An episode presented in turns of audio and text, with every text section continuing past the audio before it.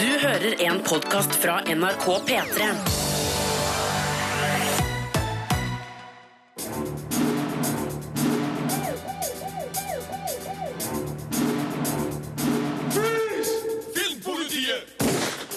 Skjønnheten og udyret er et fint eventyr som overskygges av originalen. Serien Iron Fist er en skuffelse fra Netflix og Marvel. Patriots Day er en svulstig heltefilm fra virkeligheten. Ishavsblod, De siste selfangerne, er en god dokumentarfilm om et utskjelt yrke. Elven er en såpete krimserie som skjemmes av dårlig dialog, og Moderne kvinner er underholdende og underfundig. Det er filmene og seriene som anmeldes i dag. Du får òg høre Emma Watson fortelle om å synge og spille Bell i Skjønnheten og udyret, mens regissørene Trude Berge Ottersen og Gry Elisabeth Mortensen forteller om båtturen som ble til dokumentarfilmen Ishavsblod. Filmpolitiet.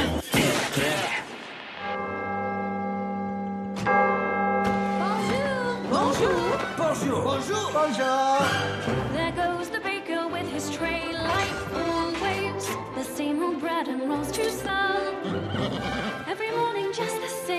Since the morning that we came to this poor provincial town. Good morning, Belle. Morning, Monsieur Jean.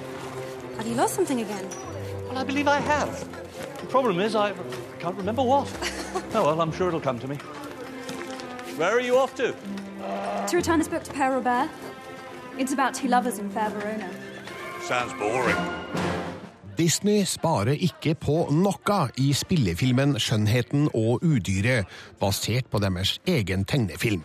Regissør Bill Condon har fått laget stort, vakkert og sveipende eventyr, som visuelt matcher minnene fra 1991-filmen langt på vei. Nostalgien slår inn for fullt, men filmen oppnår ikke helt den samme følelsen av evig romantikk, samt at historiens svakheter blir synliggjort på en mer avslørende måte. Spillefilmversjonen er profesjonelt utført til fingerspissene, men er i hermetegn bare god der originalen er fantastisk. Og når Emma Watson fremstår som en litt bleiker Bell enn forventa, blir det klart at det fremdeles er tegnefilmen Skjønnheten og udyret som vil leve lengst. Forgive my intrusion, mademoiselle, but I have come to escort you to your room. My room? But I thought. Oh, what, that once this door closes, it will not open again? I know, he gets so dramatic. Hello. Oh. Spillefilmen følger handlinga fra tegnefilmen nesten slavisk. Det handler om Bell, spilt av Emma Watson, som havner i fangenskap hos et udyr i et slott i skogen, som vi veit er ramma av en forbannelse som blir eviggjort om noen ikke forelsker seg i han, til tross for hans skremmende utseende. Bell rammes imidlertid av tidenes Stockholm-syndrom og går fra å være fortvila og fluktklar fange til undrende og romantisk interessent på besynderlig kort tid. Samtidig er den sleske baileren Gaston, spilt av Luke Evans, ut etter Bells hånd, og når han får nyss om situasjonen, samler han landsbybeboerne til kamp mot udyret. You'll join me for dinner. That's not a request. Gently, Master. The girl lost her father and her freedom in one day. Yes, the poor thing is probably in there scared to death. Exactly. Etter hvert som eventyret utspiller seg, blir det klart at filmen ikke har tenkt å gjøre store sprell med handlinga. Sekvensene fortelles veldig likt som i tegnefilmen. Det tilføres lite nytt, bortsett fra noen få historietråder om blant annet Bells mor, Gastons venn Lefous homofile seksualitet og noen ekstra sangnumre. Den store attraksjonen er å se det kjente eventyret med levende mennesker i mer eller mindre virkelige omgivelser. Her holder både foto, scenografi og digitale effekter en imponerende høy kvalitet. They're coming! Final checks, everyone! Two tweets! No, you don't. If the master finds out you violated his orders and fed her, he will blame me. Yes, I will make sure of it. But did you see us stand up to him? I am telling you, this girl is the one. They must fall in love if we are to be human again. And how can they fall in love if she stays in our room? Enkelte av figurene sliter litt. I store deler av filmen er Bell alene med udyret og hans forheksa stab, inkludert kandelaberen Lumière, bordklokka Clocksworth og tekanna Mrs. Potts. Det besynderlige er at de dataanimerte figurene er mindre livaktige enn sine håndanimerte forgjengere. De stemmelegges imidlertid fortreffelig av Ewan McGregor, Ian McKellen og Emma Thompson, som hever inntrykket. Oh, you are very strong. This is a great quality. What are you? I am Lumiere. And you can talk. Well, of course he can talk. It's all he ever does. Emma Watson er ingen dårlig Bell, men jeg hadde forventa en mer sprudlende og fargerik figur. Hun virker litt for blass og uinteressant til å rettferdiggjøre det faktum at hele landsbyen synger om hvor fantastisk hun er, eller forklare overfladiske Gastons interesse for hun. Watson har likevel tilstedeværelsen og, viser det seg, sangstemmen til å fylle rollen godt nok. Dan Stevens er òg god som det plagede, desillusjonerte udyret, som man raskt forstår ikke er så skremmende som utseendet signaliserer. Something sweet and almost kind. But he was mean and he was coarse and unrefined. And now he's dear and so unsure. I wonder why I didn't see it there before. Eventyrets moral har alltid vært en smule råtten, noe som merkes tydeligere her enn i tegnefilmen. Historien påstår å handle om indre skjønnhet, men ytre stygghet er likevel sjølve utfordringa, og ytre skjønnhet er det som ønskes, og er den store premien for å overvinne hindringene. Moralen hadde vært mer troverdig om udyret hadde fortsatt å være udyr, men man får ha forståelse for at det kanskje hadde vært et eventyr med mindre appell. Pretty eyes, proud face, perfect canvas. Yes, I will find you something worthy of a princess. Oh, I'm not a princess. Nonsense! Now, let's see what I've got in my drawers. Skjønnheten og udyret er et pent eventyr som først og fremst er en påminnelse om hvor god tegnefilmen var, og hvor fantastisk Alan Menkens originale komposisjoner er. Musikken gjenbrukes veldig godt i den nye filmen, mens Menkens nye melodier også behager ørene. Det her er så fengende toner at det nesten ikke går an å mislykkes. Det har regissør Bill Condon heller ikke gjort. Fortellergleden er overbevisende, detaljrikdommen er imponerende, og kjærlighetshistorien holder fremdeles akkurat passe temperatur. Skjønnheten og udyret føyer seg pent inn i rekka av Disneys nye versjoner av gamle tegnefilmer, sjøl om den må finne seg i å overskygges av originalen.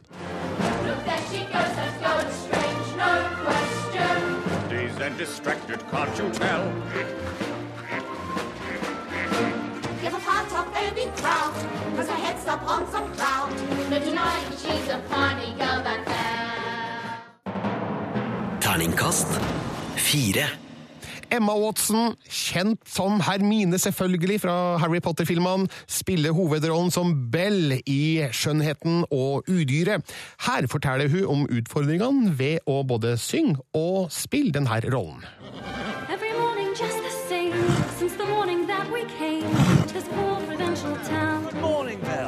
It's it's one thing loving to sing, being able to sing, but to do it for a musical of this size, to do it for for the duration of a twelve-hour shoot day, um, to do it with such a big orchestral accompaniment and all sorts of stuff going on, you you have to really you've got to be able to really do it. It feels to me it's like the most raw, vulnerable, exposing thing you can do. Um, it really is. Give a part of baby trout, cause her head's up on some cloud. No denying she's a funny girl that I mean, I know what an important role model Belle was for me when the original came out, and how much I kind of idolized this independent, um, defiant, um, fearless woman, and how much I wanted to be like that. And so I knew from first hand experience how important this symbol was for me, and I and I, what an honor to get to play that for someone else and for a new generation. I mean, it's kind of like the ultimate privilege, really, and I just feel so blessed that in my career, I've been able to play two um, or even three, I would say, of, um, of, of my own personal heroines. I, I think that's a really unique thing. I, I'm not sure how many actors get to do that in the, um, in the journey of their, of their career. So I feel very lucky. Det sa Emma Watson, som altså spiller Bell i premierefilmen Skjønnheten og udyret. Filmpolitiet anmelder TV-serie.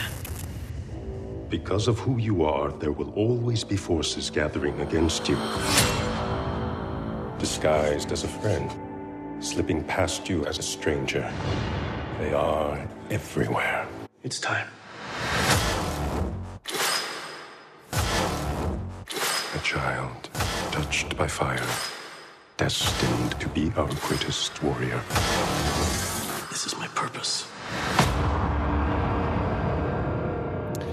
I dag ble den fjerde serien i Marvel Cinematic Universe lansert eh, i Netflix. Men Iron Fist er visst ikke like bra som Daredevil, Jessica Jones og Luke Cage, ifølge deg, Marte Hedenstad. Ja, det stemmer det, altså. Eh, Du har sett 6 av 13 episoder av Iron Fist. Eh, Hva er det som egentlig skjer da på superheltfronten i New York eh, denne gangen? Jo, denne gangen så er det da Danny Reed, eh, spilt av Finn Jones, som skal i ilden. Han har eh, forsvunnet. Han forsvant som tiåring i en flystyrt med foreldrene sine over Himalaya. I den altså personlige jetten. Det er sånn skikkelig rikmannsfamilie det her. Og så da, 15 år senere, så kommer han tilbake til New York. Han er mester i kung fu, og han har en iron fist som han kan eh, kalle på hvis han liksom sentrerer sin indre chi. Ja. Er, er det derfor serien heter Iron Fist? Ja, det er det. Skal bare sjekke, dobbeltsjekke. Men du skriver i anmeldelsen på P3N og Filmpolitiet at du, du er skuffa? Ja, Hvorfor jeg det? er skikkelig skuffa. Eh, altså, eh, generelt så har jo disse seriene fra Marvel og Netflix holdt et veldig høyt nivå, eh, men denne her kan bare ikke måle seg. Eh, det er forskjellige handlingstråder her som er veldig sprikende. Eh, Danny skal prøve å finne tilbake til en, altså, en familie som er borte. Eh, han skal prøve å bekjempe ondskap eh, i New York, og han skal på en måte leve opp til sin skjebne som en sånn eh, profetert helt eh, som skal bekjempe en sånn eldgammel ondskap. Eh, og det, det henger ikke godt nok sammen. Og så er rollefigurene de eh, er rett og slett for grunne. De er, de blir aldri De er ikke skrevet godt nok, og vi får aldri et ordentlig inntrykk av hvem de er. Og heller ikke etter liksom seks episoder som jeg har sett, så har jeg blitt så veldig mye bedre kjent med dem. eh, Og man får ikke vite så veldig mye om hva som motiverer dem. Um, Det er en ganske kul rollefigur eh, eh, som heter Colleen Wing, som er en karatemester. Men hun også er litt for grunn til at hun blir veldig interessant, da. Så Og så, vet du hva? Eh, Det viktigste Ja. med sånne serier som det her, det er jo slåsskampene. Altså, det er jo kampsport. Eh, og eh, det her ser veldig sånn overkoreografert ut. Og det ser ut som at ting er klipt for at det skal se bedre ut, og så går det ganske sakte. Så det er liksom Det er litt skuffende, altså. Vi får bare håpe at serien kommer seg betraktelig i de siste episodene, men etter Ja. seks episoder, Marte Hedenstad, så er karakteren rett og slett Terningkast to. Premierefilmen Patriots Day er en actionfylt dramatisering av terroren mot Boston Marathon i 2013 og den påfølgende jakten på terroristene. Kollega Sigurd Vik har sett Patriots Day. Filmpolitiet anmelder film. Are there more bombs? I want a lawyer. No. No, I have rights. You ain't got shit, sweetheart. Patriots Day er en actionfylt dramatisering av terrorangrepet mot maratonløpet i Boston i 2013. Det er ikke til å komme bort fra at filmen blir litt svulstig til tider. Den spiller hardt på hjertestrengene og lar både Boston og USA skinne i en patriotisk glød. Men det her er også en drivende spennende historie fra virkeligheten.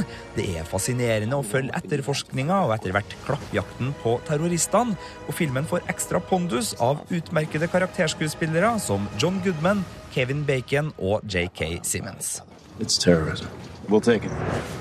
Filmen følger både politifolk, politikere, de to terroristbrødrene og flere av ofrene før, under og etter eksplosjonene. Selve bombinga er et dramatisk skue. Regissør Peter Berg klarer, med smart effektbruk, å holde oss inne i kaoset og usikkerheten som oppstår under slike omstendigheter. Hva har skjedd? Hvem trenger hjelp? Er angrepet over? De her spørsmålene gjør seg tydelig gjeldende for publikum, og de gjør inntrykk. Those are not our guys. Meanwhile, you guys aren't any closer to identifying the two we're really looking for. We need to release those pictures. Mange av filmens sentrale roller er henta rett fra virkeligheten. Men det er ikke hovedpersonen. Mark Wahlberg spiller politimann Tommy Saunders, som er dikta opp for å gi oss en handlingens mann og følge gjennom alt kaoset. Det gir filmen styrker som menneskelig drama, men Saunders blir så usannsynlig etter hvert at jeg rykkes litt ut av historia noen steder. Vi serveres også noen corny one-linere og noen overdrevne skyteepisoder som ligger nærmere Die Hard enn troverdig dramatisering av virkeligheten. De her scenene harmonerer dårlig med en film som ellers prøver å bli trodd. En film som bruker klipp fra virkelighetens dekning for å gi seg sjøl et autentisk drag, og som avsluttes med følelsesladde intervju med personene som portretteres i filmen. What are we gonna do? Hunt them down, catch them, kill them, all that. Still gonna get us. Patriots Day er ikke en film som prøver å finne ut hvorfor to brødre valgte å angripe et sivilt mål i USA.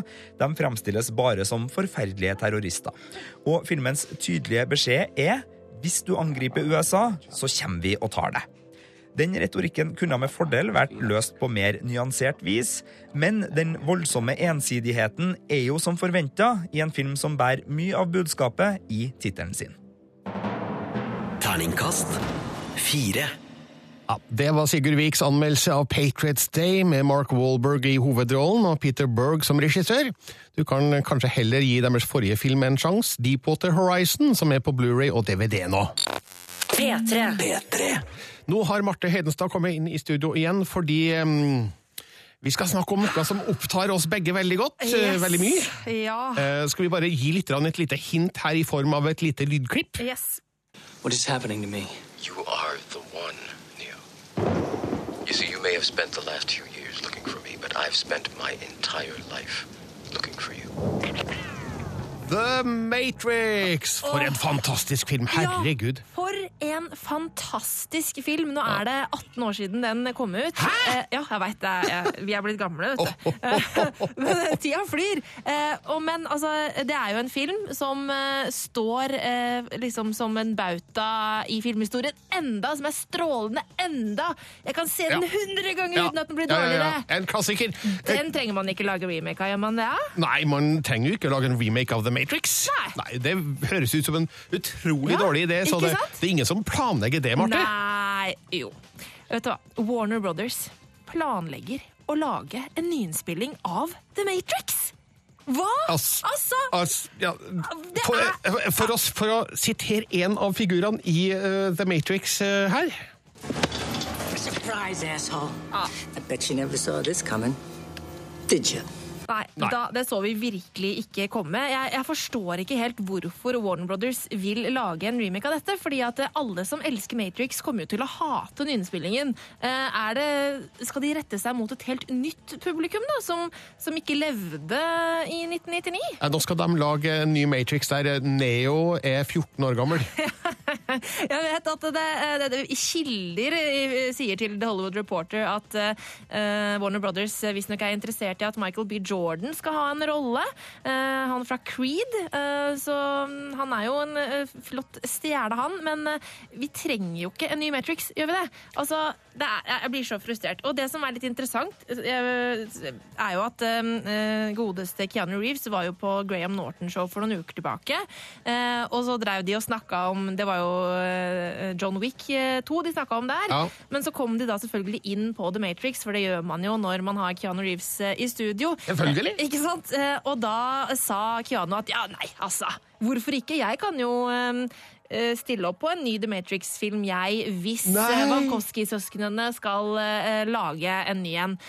Men Wawkowski-søsknene, de er ikke attached til det prosjektet her, foreløpig i hvert fall. Så, så vi får bare krysse fingrene for at det, de ikke blir det heller, eller? Jeg kjenner at det her byr meg imot. Det byr meg veldig imot. Jeg forstår ikke hvorfor man skal liksom gjøre noe på nytt som var så bra, og som fortsatt er bra. Eh, Den har holdt seg. 18 år etter så er The Matrix fortsatt en god film. Men du vet årsaken. Altså, Ah, det er er de penga. 18 år siden. Ja, Det er et eh, stort publikum der ute som aldri så den originale The Matrix. Ja, ja, det er jo det. Eh, og som kanskje er interessert i å se noe nytt basert på det her. Så vi får avvente og se, da, Marte. nei. Vi får tro det beste om de gode kreftene i Hollywood. Ja, vi får- og satse på at den nye Matrix eh, Blir ikke kjempebra! Det blir kjempebra! Filmpolitiet.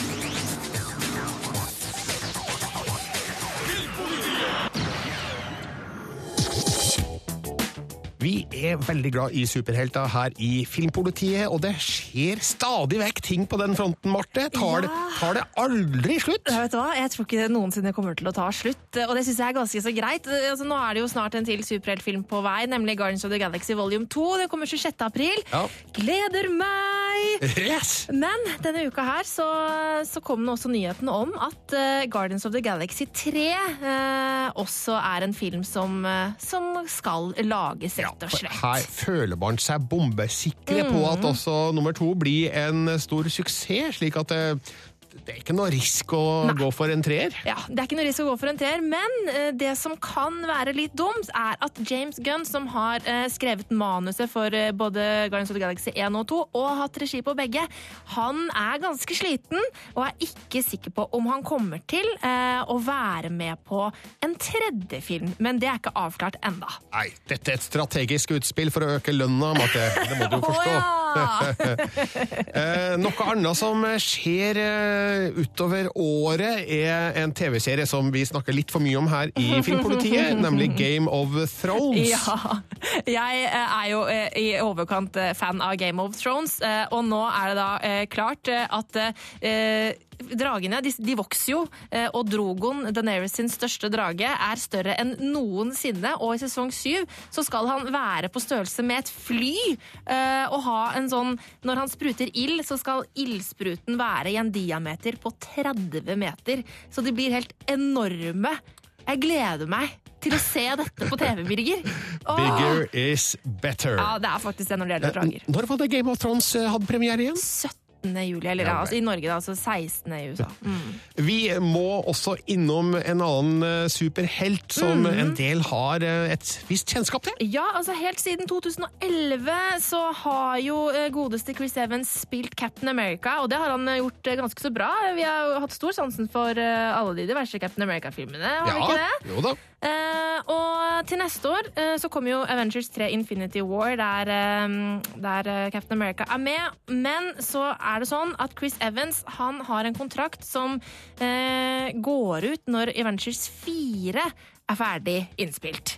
Um, og han har eh, hatt et intervju med Esquire, og der ser det ut til at han ikke er så veldig interessert i å forlenge kontrakten sin når den er fullført. Sånn at det kan virke som at eh, Avengers 4 vil bli den siste uh, filmen hvor vi får Captain America i, i skikkelsen til Chris Evans. Ja.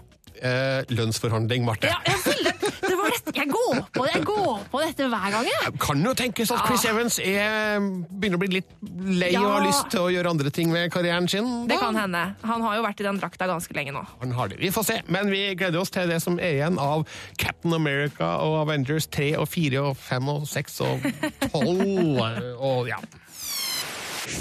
Filmpolitiet anmelder film. Når det begynner å nærme seg en ny sesong, da kjenner du sånn, sånn sug i magen. Ja, det har jeg jo sagt at det skulle være siste sesongen siden 80-tallet. Men eh, når det begynner å nærme seg sesong, og sånn, så er det alltid en kar som tar én tur til og én tur til og én tur til. Og det, og det er han Bjørn. Den Bjørn Karmo. Dokumentarfilmen Ishavsblod, De siste selfangerne, skildrer livet om bord på selfangstskuta Havsel på det kanskje siste toktet i Nordishavet i 2015. Regissørene Trude Berge Ottersen og Gry Elisabeth Mortensen gir et svært interessant innblikk i hvordan moderne selfangst foregår, samtidig som filmen inneholder fine personkarakteristikker av et morsomt mannskap. Det er dramatiske bilder som presenteres, både når det gjelder sjølve fangsten og de tøffe omgivelsene den foregår i. Dokumentaren er engasjerende og gir en fornya respekt og forståelse for den tradisjonsrike selfangsten som nå ser ut til å være historie.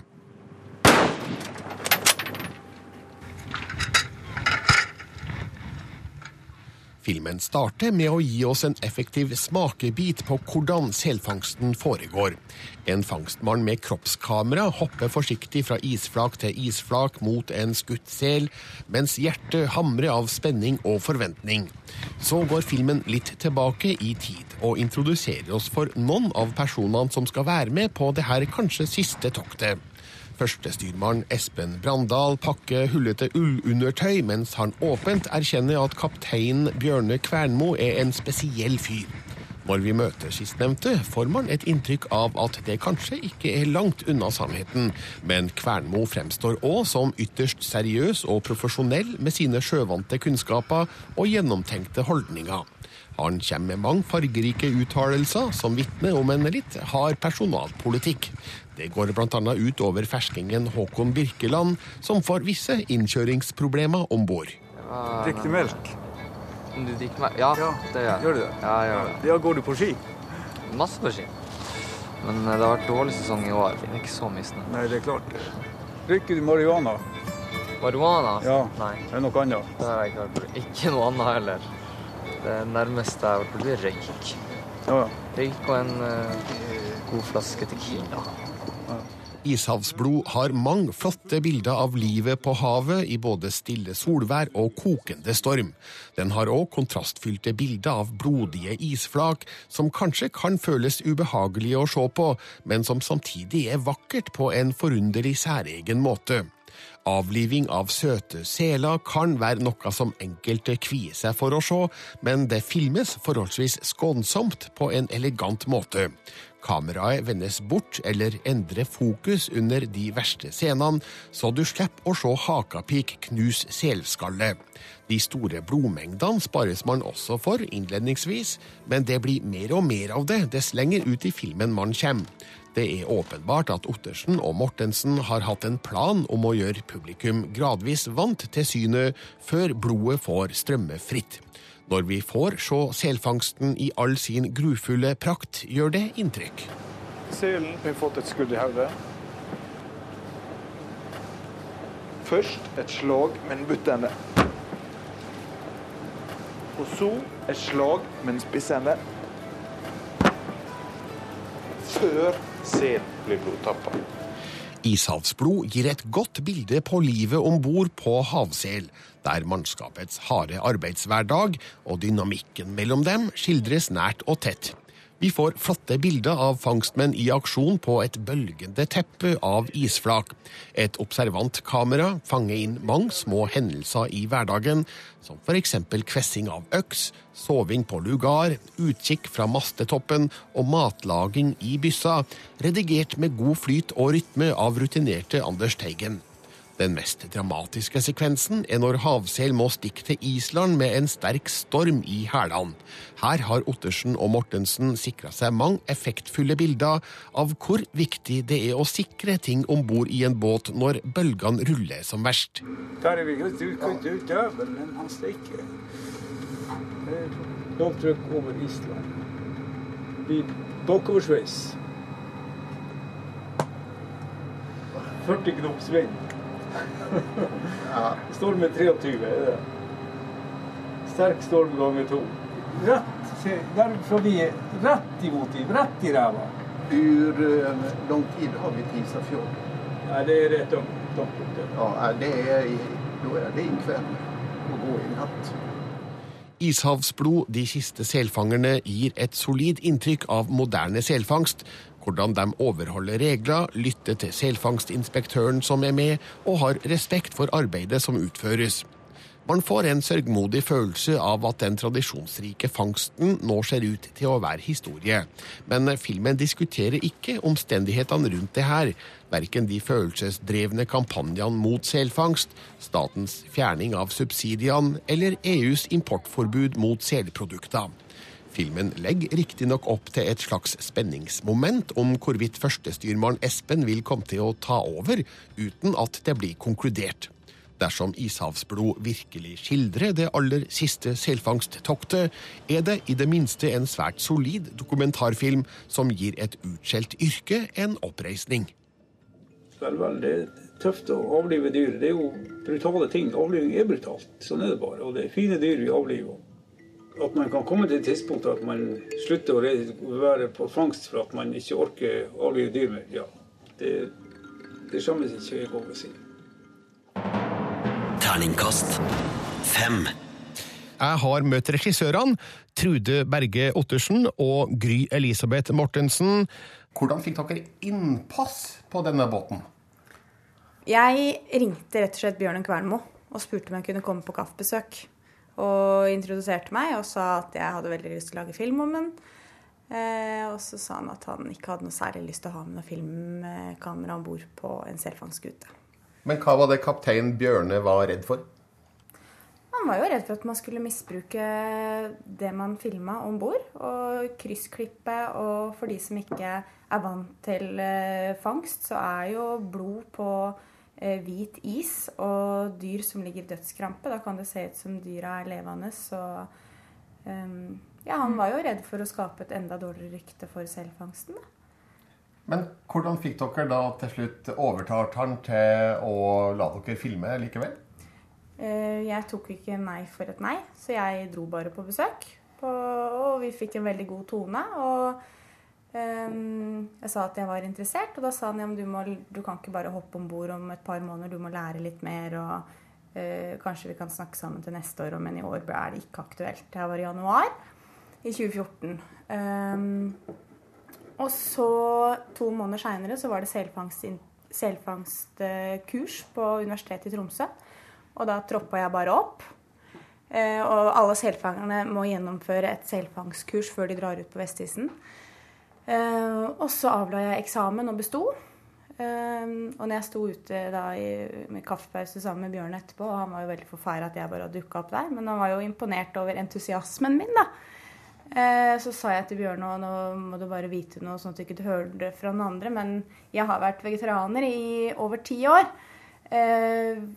Så, men det er ikke noe baktanke rundt det, sa jeg. Og da sa han det er noe, det er noe med deg. Jeg, jeg tror faen meg du skal få være med. Og, men da måtte jeg jo takke nei, for da skulle Havsel dra ut til Vestisen neste dag. Under et døgn etterpå. Og da hadde vi jo ingenting klart, og jeg skulle til Spania på fjelltur med noen venninner og sånn, så da sa jeg at da Nei, ellers takk, men nå, nå kan jeg ikke. Og men, når du først får lov, så vil du faen ikke være med. Og så, og så dro de ut på Vestisen, og så råka de utfor noe uvær, og da må de jo inn til Island, inn til Isefjordur, en liten by der på vestkysten. Og da fikk jeg en SMS i påsken. Eh, vil du fortsatt være med på fangst, kjøp deg et tur til Island og bli med. Og to døgn seinere så var jeg i Isafjordur. Men det er ikke der filmen starter? Filmen starter et år seinere. For da, da var jeg på en måte med på en prøvetur eh, hvor Bjørne lærte at han kunne stole på meg eh, og opparbeida respekt. Og da og var jo Ja, så da brukte vi et år på å hente inn eh, Hente inn penger og finansiering til å kunne være med ut på hele fangstsesongen i 2015. Gry, når kom du med på skuta? Ja, altså vi var jo ute på og gjorde opptakene til filmen i 2015 i to måneder.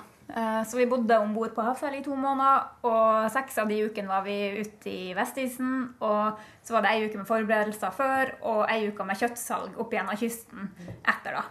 Um, så vi brukte jo det året før til å eh, finne ut hvem som skulle være med. Hvem skulle være mannskapet den sesongen vi skulle filme. Og der var det jo litt forskjellig som dukka opp. Han Espen, eh, styrmann, sa seg jo sjøl egentlig, for han er sånn femte selfanger og skulle være med som styrmann. Um, men vi, prøvde, vi måtte liksom prøve å finne ut hvem andre som skulle være med, men det er liksom vanskelig med han Bjørne fordi han bestemmer altså, han bestemmer seg ikke før, like før de drar ut. ikke sant? Det er sånn et par dager før så bare røsker han med seg noen karer og, og stikker. ikke sant? Så um, eksempel det her at vi ville gjerne ha med en, eh, en fersk, eh, en skårunge, da. Um, for å liksom kunne oppleve selfangsten liksom for første gang gjennom han eller hun, da. Um, og da var det jo Det var en som hadde meldt seg, og vi hadde filma han, og han var kjempe, en kjempefin ung gutt. Uh, men han fikk så mye mareritt og traumer når det nærma seg, at, uh, at han trakk seg. Så da, da måtte jo alle i mannskapet bare hive seg rundt, for da mangla de jo en person i mannskapet. De var altfor få til å dra ut. Så, så dukka det opp en ny på, på dagen, da, som kom reisende og fikk være med. Hva var det dere ville med denne turen? Hva ville dere vise frem? Vi ville jo eh, gi et hva skal man si, et nøkternt og realistisk bilde på hva selfangst er. Um, og vi ville vise kulturen om bord, tradisjonene. um, og ikke minst de her helt unike karakterene uh, som holder på med det her to måneder i året. Ja, for når du snakker med folk flest, så veit de jo ikke så veldig mye om selfangst. Det er de her gamle historiene som fortsatt henger ved, da. Så vi ville vel kanskje gi dem et litt mer sånn ærlig ettermæle. Mm. Eh, og når man, så, når man ser at selfangsten er på vei til å forsvinne, så er det jo fint å kunne se hva som La dem få en sjanse til å fortelle hva de faktisk har holdt på med. Det er jo en del eh, som finansiører og sånn TV-kjøpere som har spurt når vi har vært på sånne finansieringsforumer, og sånt, som har spurt om vi ikke kunne ha med litt mer sånn arkivmateriale og litt mer eh, kontekst og politikk. Og, men eh, vi hadde lyst til å la folk få oppleve en sesong i Vesterisen. Og kanskje ikke klusse det så mye til med før og etter. Bare la folk få oppleve det og lage seg sin egen mening. For det er jo, når vi ser tilbake igjen på det, så er det de to beste månedene av livet vårt. Det er jo helt fantastisk eh, å få vært med på et sånt eventyr og komme ut i det universet med bare is og hav og eh, de dagene ute. Ja, det selv om det er ganske repetativt når du driver med fangst, så er det veldig forskjellige dager. Eh, vær og vind og dyrfor... Altså værforhold og hvor mange dyr det er der, og man finner kastet og eh, ja, og det derre kameratskapet som dannes om bord på skuta. Og eh, det ser man jo i filmen, da. At det er veldig sånn varmt og humoristisk. Og det blir en helt sånn spesiell kultur om bord. Men hvordan gikk dere frem for å komme innafor, for å si det sånn? Altså bli en del av mannskapet? Ja, Altså, det er jo to måneder om bord. Da sier det seg sjøl at man ikke kan filme hele tida. Så vi blei jo en del av, eh, av de dagligdagse rutinene. Vi var jo med og flådde og var med kokka og lagde mat og Hogde sveive, spylte skinn, gikk brannvakter. Alle de vanlige tingene. For vi måtte jo, altså for ikke klikke helt da med, med filmen og alt det her, så måtte vi jo Ja. gjøre noe fysisk, ikke sant. Så vi satte jo bare stor pris på å få være med og fangste når- når vi ikke filma. Filminga gikk jo selvfølgelig først bestandig, Mm. men det er jo litt grense hvor mange dager du kan filme nesten akkurat det samme. Men dere har jo inntatt en helt klart observerende holdning. Eh, Fikk dere filme hva som helst? Ja. Ja, vi gjorde egentlig det, men det ehm, Selvfølgelig når man sitter og spiller kort på kveldinga og det er veldig sånn kameratslig stemning, så passer det ikke alltid å dra opp kamera. Da eh, forandres jo stemninga litt. Eh, men jeg syns jo den var Den blei overraskende avslappa, liksom, med kamera til stede. Mm. Eh, Bjørne er jo en veldig takknemlig fyr å filme. Helt sånn avslappa. Han har jo et unikt ordforråd og en veldig spesiell måte å ordlegge seg på. Eh, Litt sånn underfundig humor. Han snakker jo om eh, vestisen som noe som du, i et menneskeliv eh, er før og etter vestisen. Han sier at når du kommer, når du reiser ut til vestisen, så er du én person. Eh, men mens du er der ute, så skjer det noe spesielt med menneskene. Når du kommer hjem, så er du en helt annen person. Ja, din gamle identitet slettes, og så vokser det en ny i vestisen. Jeg Har ikke følt noe på det sjøl, eller? Jeg skjønner litt hva han mener, da. At det, det var jo noe helt unikt, og jeg, det setter seg jo i kroppen som noe helt annet. Så det blir litt sånn OK, hva nå? Hvilken film skal vi lage nå, Gry? Vi har lagd den filmen der ute fra Vestisen. Så det blir litt sånn Hva skal måle seg med det? Det er vanskelig å, å forklare um, etterpå. Det, begge vi begynte jo å jakte etterpå, det er jo én ting. Um, Tatt jegerprøven har vi gjort, ja. Eh, De, de snakker jo om polarsuget, at det setter seg, eh, og du har lyst ut igjen. Eh, Og det sier jo han styrmannen nå, at hvert år i, når det tipper det nye året, så begynner man å lengte etter den nye sesongen. Um, og det er noe med det. altså, at det er, Når du kommer ut der, så er det ikke noe internett, ikke noe telefoner, og liksom, du blir avkobla det derre stresslivet fra det moderne samfunnet. Så du er der ute, og man jobber sammen, man spiser sammen, og man blir jo en sånn type liten familie da, om bord. Og så er det noe helt spesielt eh, en tillitsforhold òg, fordi at du er jo Du har jo bare deg sjøl, ikke sant. Du er langt ut, utfor all he helikopterradius. Det er ingen som kan redde deg hvis det skjer noe. Så man har bare hverandre å stole på. Noe som fører til at alle må være skjerpa til enhver tid. Det sa Trude Berge Ottersen og Gry Elisabeth Mortensen, som er regissørene bak dokumentarfilmen Ishavsblod – De siste selfangerne. Den har norgespremiere i dag. Filmpolitiet på P3. Det har vært knytta en viss spenning til den norske krimserien Elven. Ikke minst fordi skuespiller Thomas Hays, kjent som William fra Skam, står på rollelista. Elven hadde premiere på TV3 og Viaplay i går kveld, og kollega Sigurd Vik har sett de to første episodene. Filmpolitiet anmelder TV-serie. Hun er forsvunnet. Silja.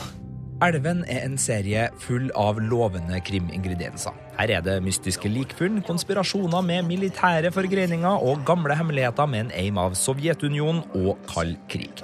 Dessverre starter serien som en såpete dramakrim full av dårlige replikker, overdramatiserte konflikter og lite overbevisende skuespill. Her begynner mange scener med spørsmål av typen Hva tenker du på? Hva er det som plager deg? Det altfor suspenstunge lydsporet tar sjelden pause, og miljøskildringene rundt om i lokalsamfunnet har en traust smak av 90-tallets såpeserier. Vi må bare ikke la den få noen unnskyldninger, ikke sant? Handlinga foregår rundt den fiktive elva Djupelv i Indre Troms, hvor den unge jenta Silja Anti, spilt av Viola Vilmi, finner ei avkappa hånd i vannet.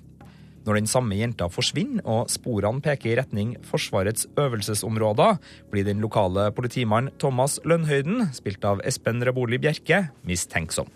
Han starter en etterforskning som irriterer både sjefer, egen familie og etterretningstjenesten. Hun har vært forsvunnet før. Men det satt i gang en svær leteaksjon i området. Og hva risikerer vi at de finner? Elven legger seg på en veldig enkel og ganske hektisk fortellerstil som skrur opp temperaturen så det skal gløde rødt i alle handlingstrådene hele tida. Det gjør at det alltid er en konflikt å fokusere på, men det gjør også at dynamikken og nerven kokes bort allerede i første episode. Dialogen er bygd for lite annet enn å dytte handlinga videre, og skjemmes av stive replikker og kleine utbrudd som truer fiksjonstroverdigheten til hele serien.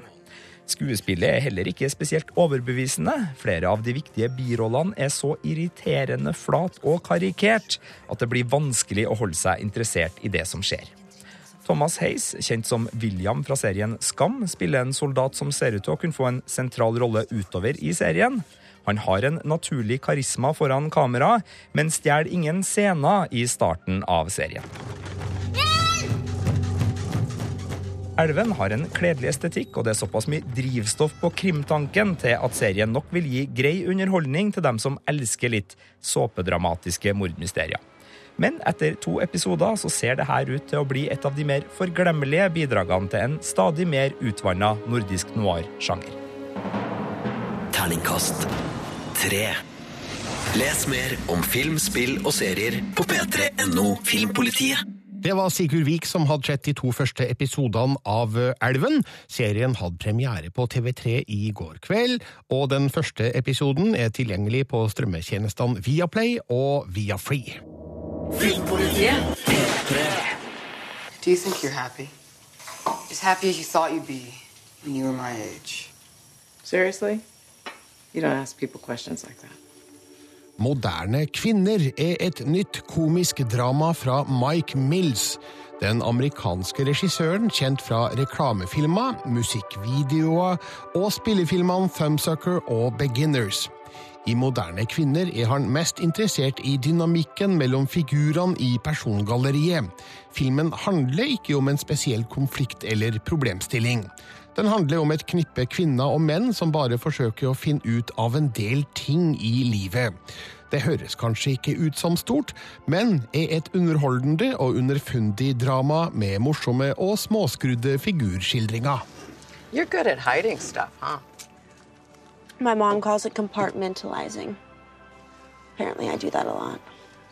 Historien finner sted i Santa Barbara i California i 1979. Dorothea, spilt av Annette Benning, bor med sønnen Jamie, spilt av Lucas Jade Suman, i et stort hus. Hun har forsøkt å gi han et mannlig forbilde gjennom snekkeren William, spilt av Billy Crydup, som pusser opp huset mot å bo der gratis.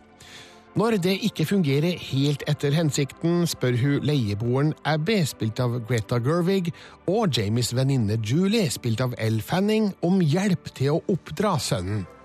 Are you helping him? I'm trying. Really? What about you?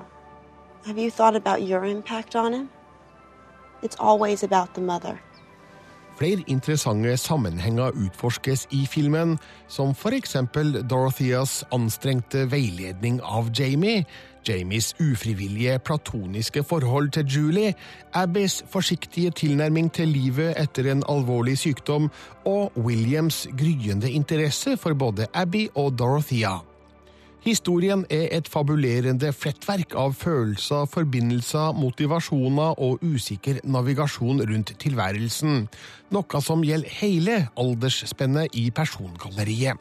Det merkes at handlinga er lagt til 1979, fordi figurene ikke har distraksjoner som mobiltelefoner og andre skjermer rundt seg, noe som kanskje gir dem mer tid til å grunne over livet, men deres utfordringer er likevel tidløse. Don't need to like it. Okay, what is he saying?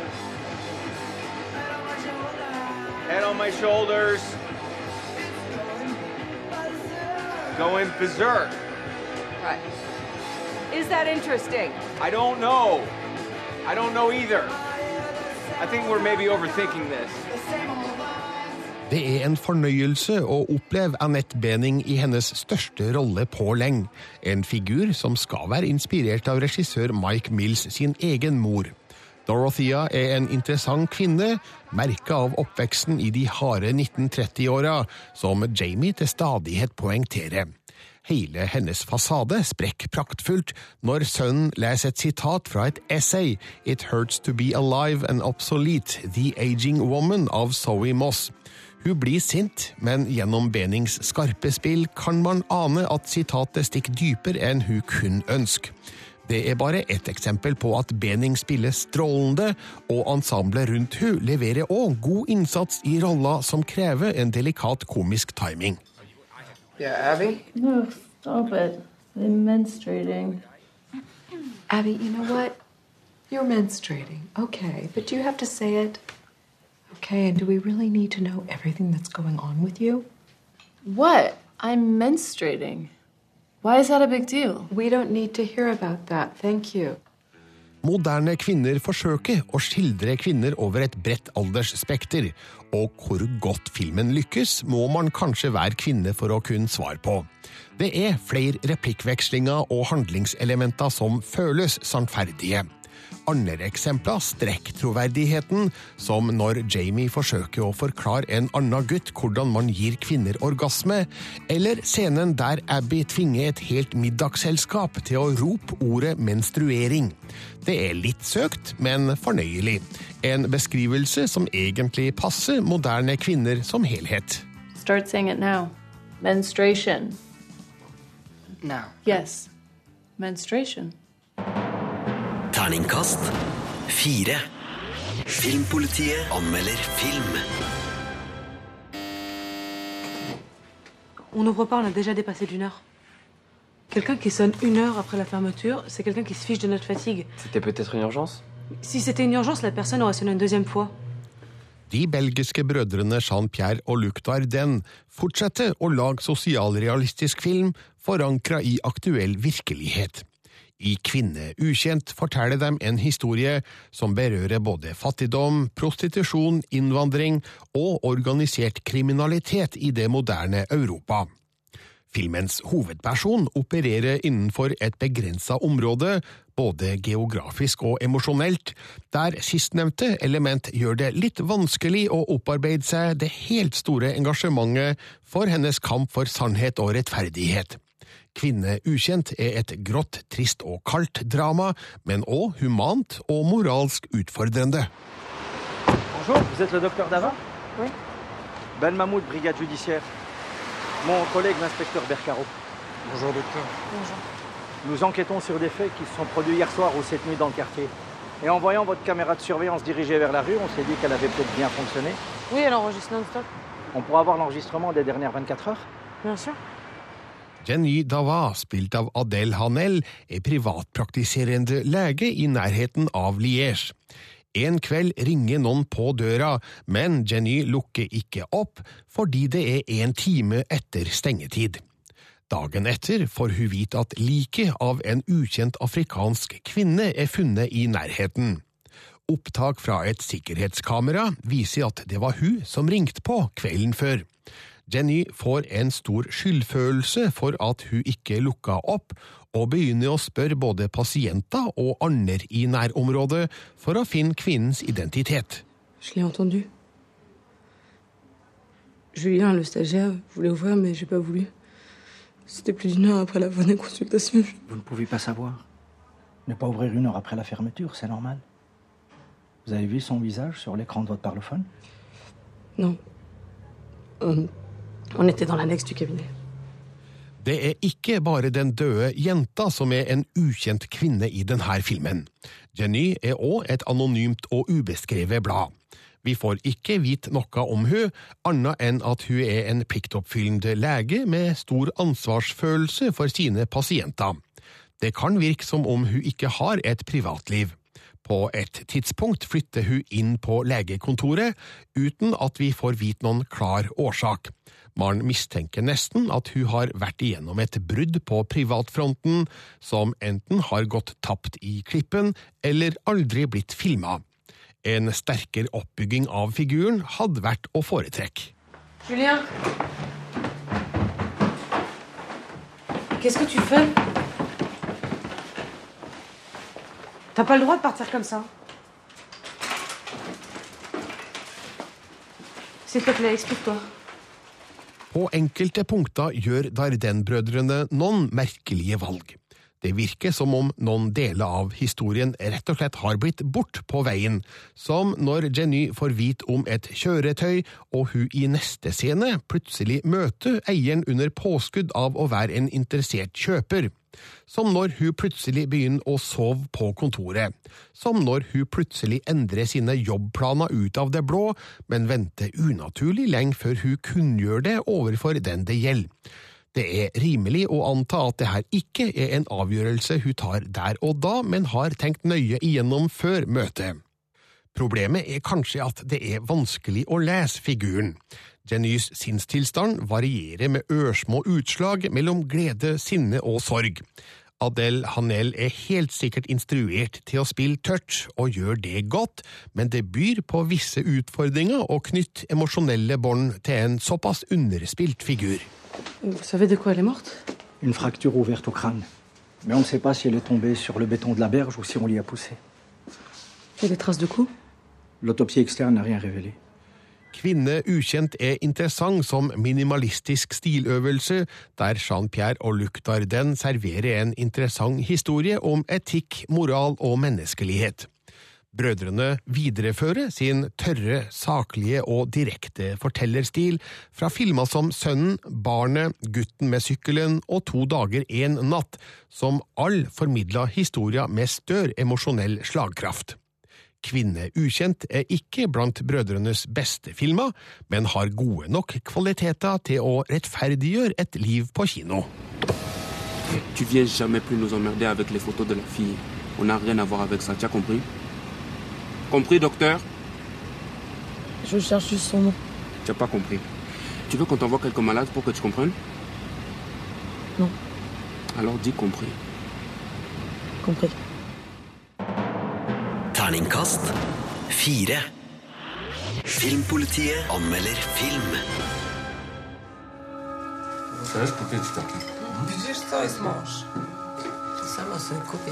United States of Love er en velgjort og ubehagelig reise i de triste, fæle og ensomme delene av menneskets kjærlighetsliv.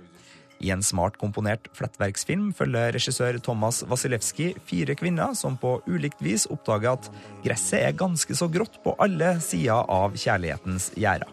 Og måten den polske filmskaperen lar det hele eskalere på, er like imponerende som det er uventa.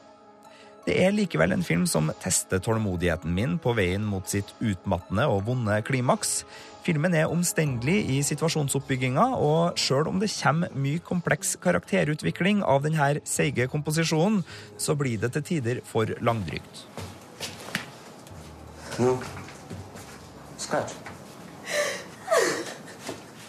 United States of Love spilles ut på et bakteppe av nyvunnet frihet for Polen. Året er 1990, muren har falt, økonomien er åpen, supermarkedet selger jeans, og skolen underviser i dans à la Whitney Houston. Vi følger fire kvinner som på hvert sitt vis tar sats i dette nye samfunnet og prøver å finne fram til sin egen lykke. En er stranda i et kaldt ekteskap og drømmer om den lokale presten. En annen er forelska i den mye yngre nabokvinnen. Skuespillet er dempa og hverdagslig og gir en følelse av at det her er mennesker og situasjoner som lett kan overføres fra Polen 1990 til hvor som helst. Men ved å plassere dette dramaet i en nasjons brytningstid, hvor håpet preger samfunnet, så blir kontrasten ekstra virkningsfull når Wasilewski maler ut sine sosialrealistiske tragedier. Nie wódź nas na pokuszenie, ale nas zbaw od złego. Amen. Dette er ikke en film for alle. Den har et tema det er lett å sette seg inn i, men både tempo og fortellerstil gjør den krevende for et norsk kinopublikum. Fotograf Oleg Mutu går for en fargepalett som er isende kjølig og smaker tungt av den hverdagsgråheten filmen tematiserer, og regissør Wasilewski er tilbakeholden med å si ting rett ut. Det gjør at filmen blir kjedelig i perioder, men sannelig slår den fra seg også. Filmens siste akt er så vond og vellaga at de siste bildene hang fast i kroppen lenge etter at kinolyset gikk på. Terningkast fire. Les mer om film, spill og serier på p3.no Filmpolitiet. Filmpolitiet hver fredag fra 11 til 1 på P3. Denne utgaven av Filmpolitiet er slutt. I neste uke anmeldes blant annet den svenske Gullbaggevinneren Kjempen og den norske barnefilmen Oscars Amerika.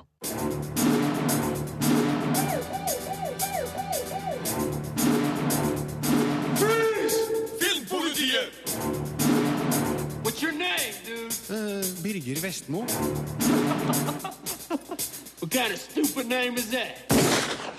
Du finner flere podkaster på p3.no podkast.